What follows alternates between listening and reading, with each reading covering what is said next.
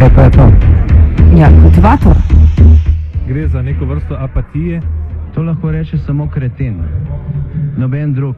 socialni invalid in ga je ne mogoče urejati.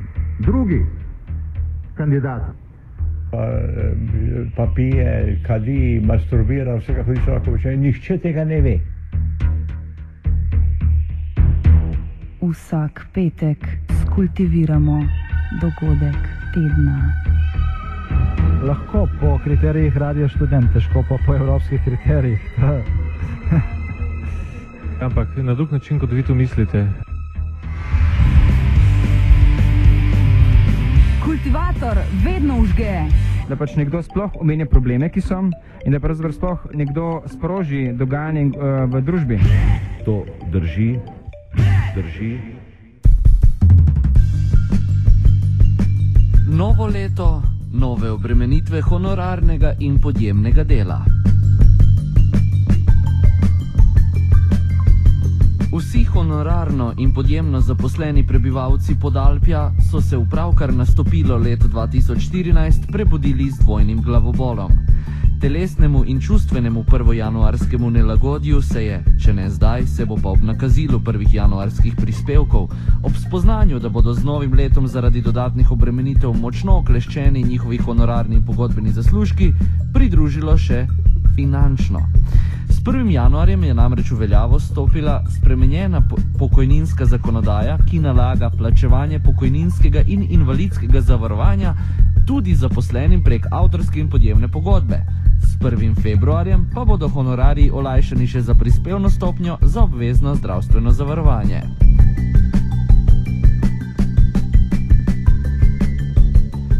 Koliko bodo torej po novem olajšani honorarni in podjemni zaslužki? Ob že uveljavljeni 25-odstotni odmeri akontaciji dohodnine bodo zaposleni preko honorarne oziroma podjemne pogodbe po novem odšteli še 15,5 odstotka za pokojninsko in invalidsko zavarovanje, od 1. februarja pa še 6,36 odstotka bruto zaslužka za obvezno zdravstveno zavarovanje. Ali povedano s primerom, nekdo, ki je decembra 2013 preko honorarne pogodbe zaslužil 1000 evrov brutov, jih na osebni račun po vseh dejatvah dobi izplačanih 775. Februarja 2014 pa jih bo ob enakem zaslužku prejel le še dobrih 611. Na Ministrstvu za delo, družino, socialne zadeve in enake možnosti, kjer so spremembe pripravili, želijo z novimi obremenitvami honorarno in podjemno delo izenačiti s preostalimi oblikami dela, pri tem pa tudi zajeziti izkoriščanje honorarne oblike zaposlitve.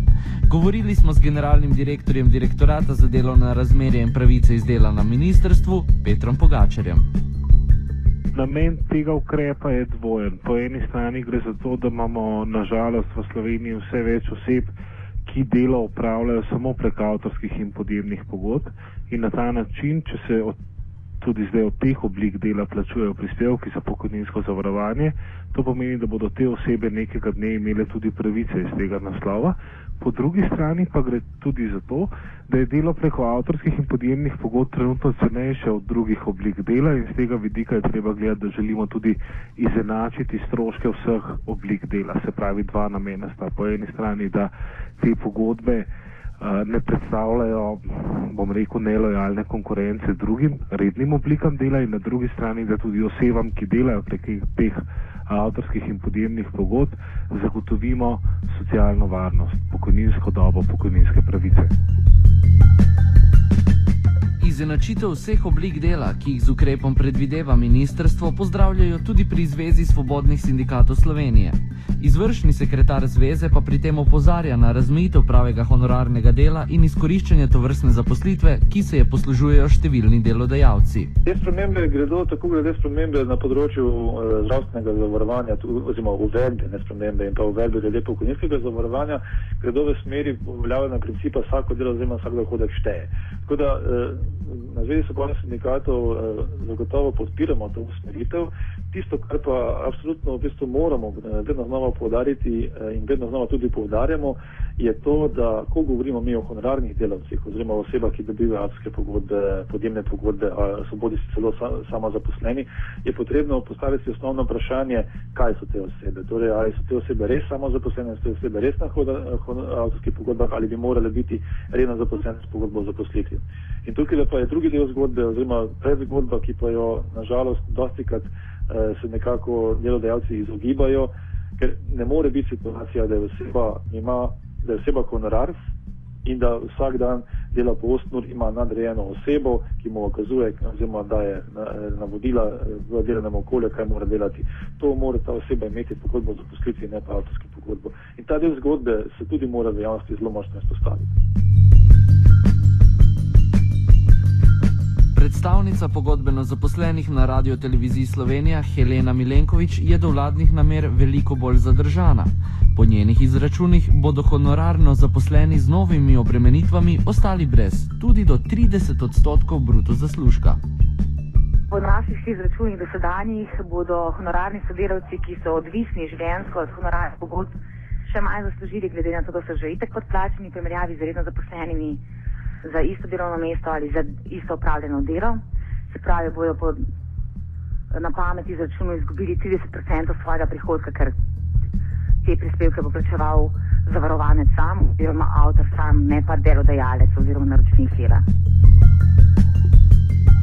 Ministrstvo želi z dodatno obremenitvijo honorarnega in podjemnega dela zajeziti izkoriščanje tovrstnih prekernih oblik zaposlitve namesto sklenitve delovnega razmerja. Ob dejstvu, da so vse dejatve preložene na pleča delojemalcev, Milenkovičeva v iskrenost tovrstnih namer dvomi. Ob tem opozarja tudi na problematičnost termina ekonomsko odvisne osebe, ki ga med drugim tudi uvajajo spremembe. Absolutno je tukaj so breme na ramenih delojemalca in kakršne koli pravičnosti, oziroma da bi z zakonom o davčnem postopku z večjo obdavčitvijo preprečili kršitve delovnega prava, ni šans. To se ne bo zgodilo, kršitve se bodo dogajale še naprej, izkoriščene še naprej. To daje samo možnost delodajalcev, da zaposlijo ljudi za določen čas, pravi na avtorsko pogodbo mesečno, tri mesece, ne pa več za nedoločen čas. Ok, v novem zakonu smo dobili tudi pojem ekonomsko odvisne osebe, ki seveda velja samo za tiste, ki imajo urejen status in to pomeni samostojni podjetnik ali pa v primeru novinarja samostojni novinar. Obdavčen si enako kot človek, ki je uredno, v rednem delovnem razmerju zaposlen za nedoločen čas, ki je zaščiten, ti pa kot samozaposlen, si tak svoj, samo, svoj lasten delodajalec, se pravi, da sam sebi določiš pravice. Ker nimaš pogajalca, mi nismo organizirana skupina, da bi imeli nekega zastopnika, kot so redno zaposleni v razno raznih drugih panogah, ampak danes itak ni panoge, kjer človek več ne bi bil v prekarnem odnosu. Na anomalijo prekernih oblik dela, ki se je razrasla na domačem delovnem področju, opozarja tudi Goran Lukič. Nažalost, ogromno oseb niso, v bistvu praktično niso honorarne osebe, ampak so nažalost na kvazi honorarne osebe. In tukaj nažalost je ta epidemija prišla vse mere razuma, ker tila, tukaj moramo se biti še enkrat eh, podarjati na jasnem, ni zakon o delovnih razmerih, a pa delovna zakonodaja, to ni supermarket. Ne more delodajalec kar zbirati, da bo na mest enega redno zaposlenega imel pet honorarcev. In tukaj mislim, da eh, zagotovo mora tudi pristojne inštitucije veliko narediti, da razčistijo to situacijo. Peter Pogačar z ministrstva na drugi strani skuša pomirjati, da že obstoječa zakonodaja preprečuje izkoriščanje honorarnih oblik dela v primerih, ko zaposleni upravlja naloge redno zaposlenega. Gre za to, oseba, ki je že zavarovana v delovnem razmerju ali kot samostojni podjetnik in bo delala delo tudi prek avtorskih ali podjemnih pogodb, bo plačala samo dodatni prispevek delodajalca 885. Oseba, ki pa ni zavarovana na drugi podlagi, se pravi, da opravlja delo samo prek avtorskih in podjemnih pogodb, pa bo plačala prispevke za pokojninsko zavarovanje v celoti, se pravi 24,35, 15,50 pač uh, navzdol, vendar bo iz tega naslova ji priznana tako pokojninska doba kot višina pokojnine in na ta način bo tudi ta oseba nekoč v starih letih imela pokojnino iz pokojninskega zavarovanja. Um, kar se pa tiče teh, um, da delodajalci uh, vedno bolj angažirajo na mesto rednih oblik zaposlitve civilno-pravne pogodbe, je pa zakon jasen. Takoj, ko so podani elementi delovnega razmerja, je potrebno skleniti pogodbo o zaposlitvi. Ta pravica, ukolikor ima kdo občutek, da so podani elementi delovnega razmerja, pa nima sklenjene pogodbe o zaposlitvi, ampak dela na črno ali dela na preko avtorskih pogodb, je istožljiva in kar nekaj uh, posameznikov je v zadnjem času bilo tudi že zelo uspešno. Tukaj so enostavno istožili delodajalca na sklenitev pogodbe o zaposlitvi. Se pravi, na kratko, če so pri opravljanju dela podani elementi delovnega razmerja, je potrebno skleniti pogodbo o zaposlitvi. Namen avtorskih podjemnih pogodb je seveda popolnoma drug. Kljub številnim zadržkom sindikalist Lukič meni, da so uveljavljene spremembe nujen korak nazaj pri odpravi anomalij na trgu dela. Pri tem pa država ne bi smela spregledati svoje naloge pri spodbujanju rednih zaposlitev. Predolg je država gledala to anomalijo. To je trajalo, to je še traja 10-15 let. In zdaj smo v situaciji, nažalost, ko je eh, to postalo že praksa. Na zadnjih deset let smo na sindikatih govorili, eh, da je velik problem delati določen čas. Zdaj, po, zdaj počasi je že to skorda pa se in zdaj kar nekaj so vsi honorarci, avtorci, samozaposleni in tako naprej. In tukaj so na neki točki moramo narediti res in si narediti čistega vina, kdo je storitev, in kdo je delavec in, in, in iti te točke naprej. Jaz tukaj razumem v bistvu ta stroškovni vidik eh, osebe, ki je na tovski pogodbi oziroma eh, osebe, ki ima podjemno pogodbo, da bo pač imela nižji na koncu eh, pač dohodek. Ampak se s neko, še enkrat ponavljam, treba je stopiti en korak nazaj. Če ne, če, in če se to ne bo zgodilo, jaz sem tukaj nažalost pesimist, če se to ne bo zgodilo, potem čez par let bodo kar nekaj vsi honorarci, Mislim, ali se res tega želimo, da bo kar naenkrat to, kar se dogaja na RTV-ju, eh, se dogajalo na celem trgu dela? Tega si parlament ne želi. Mhm. Pa se vam zdi, da bodo tudi za voljo teh obremenitev in sicer uh, bo prišlo do več uh, rednih zaposlitev, teh, ki so pre, pre, sedaj upravljali honorarna dela, se pravi teh, ko, ko ste imenovali kvazi honorarcev? Ja. Ali bi morala tukaj država tudi poseči s podbudami za te redne zaposlitve in spodbujati? ali pa da se ne bo pač zgodilo, da bodo iskali, medtem ko ne bodo dobili redne zaposlitve, druge eh, alternative prekarnega dela. Jaz bi rekel tako, eh, konkretno povedano, država v javnem interesu države je, da zagotovo spodbuja kvalitetne zaposlitve, ne pa samo zaposlovanje in tako naprej.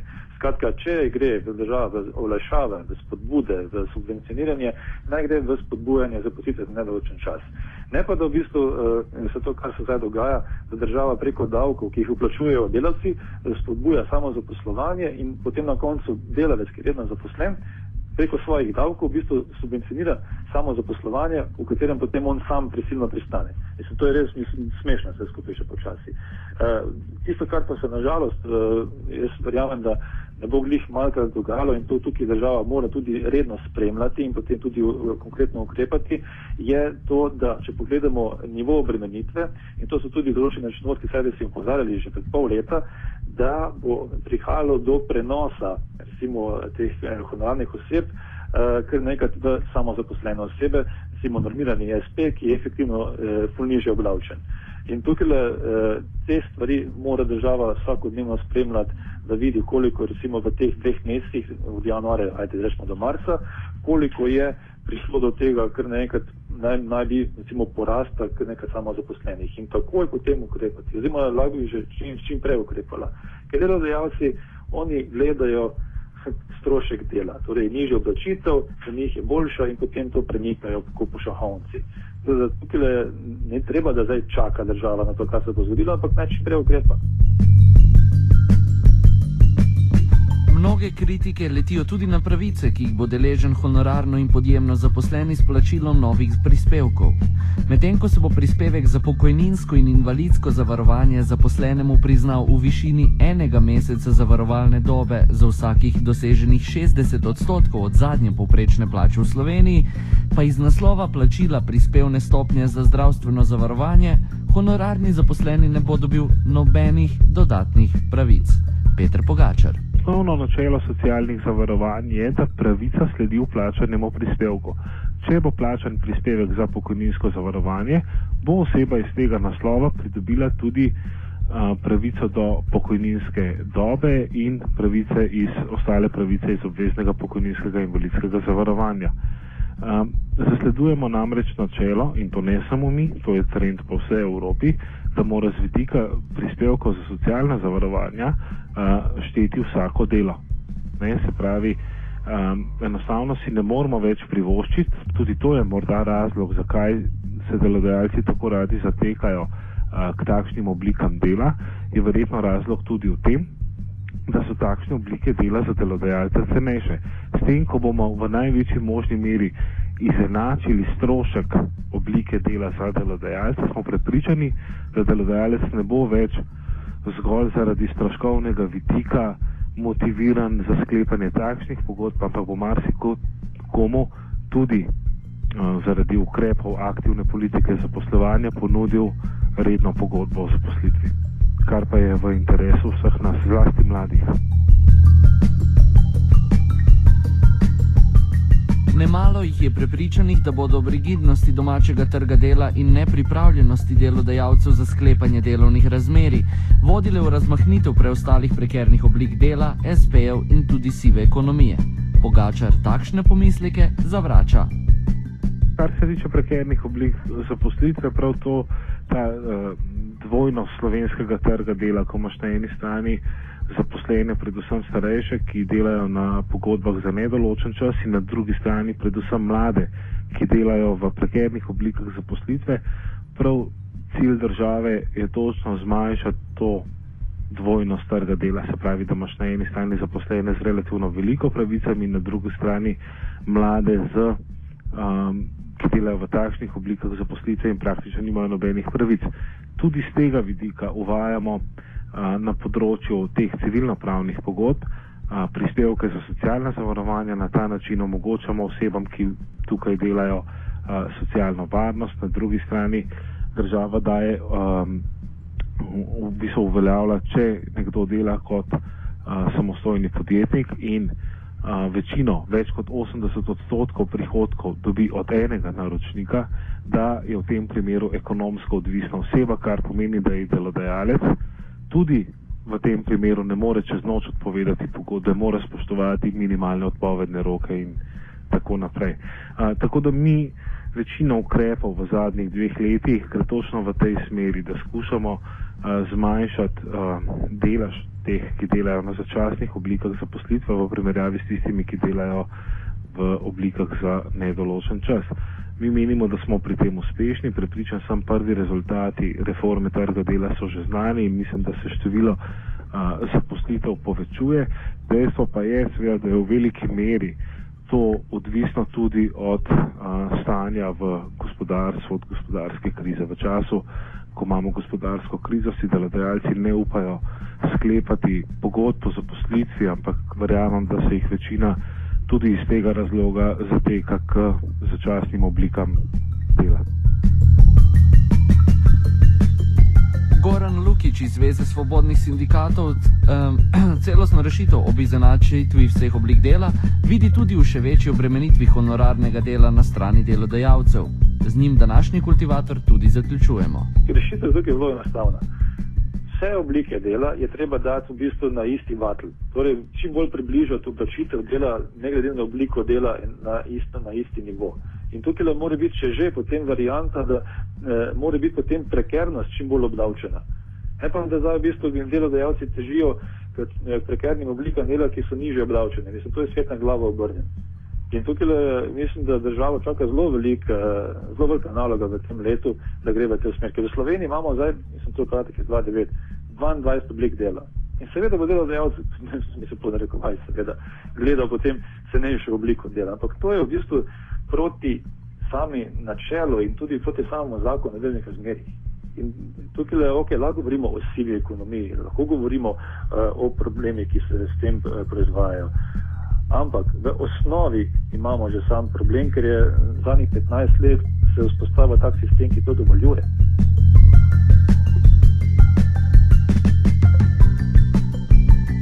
Kultiviral je Nec Marcen.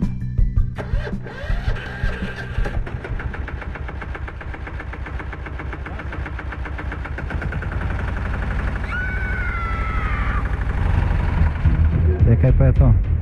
Ja, kultivator. Gre za neko vrsto apatije. To lahko reče samo kreten, noben drug.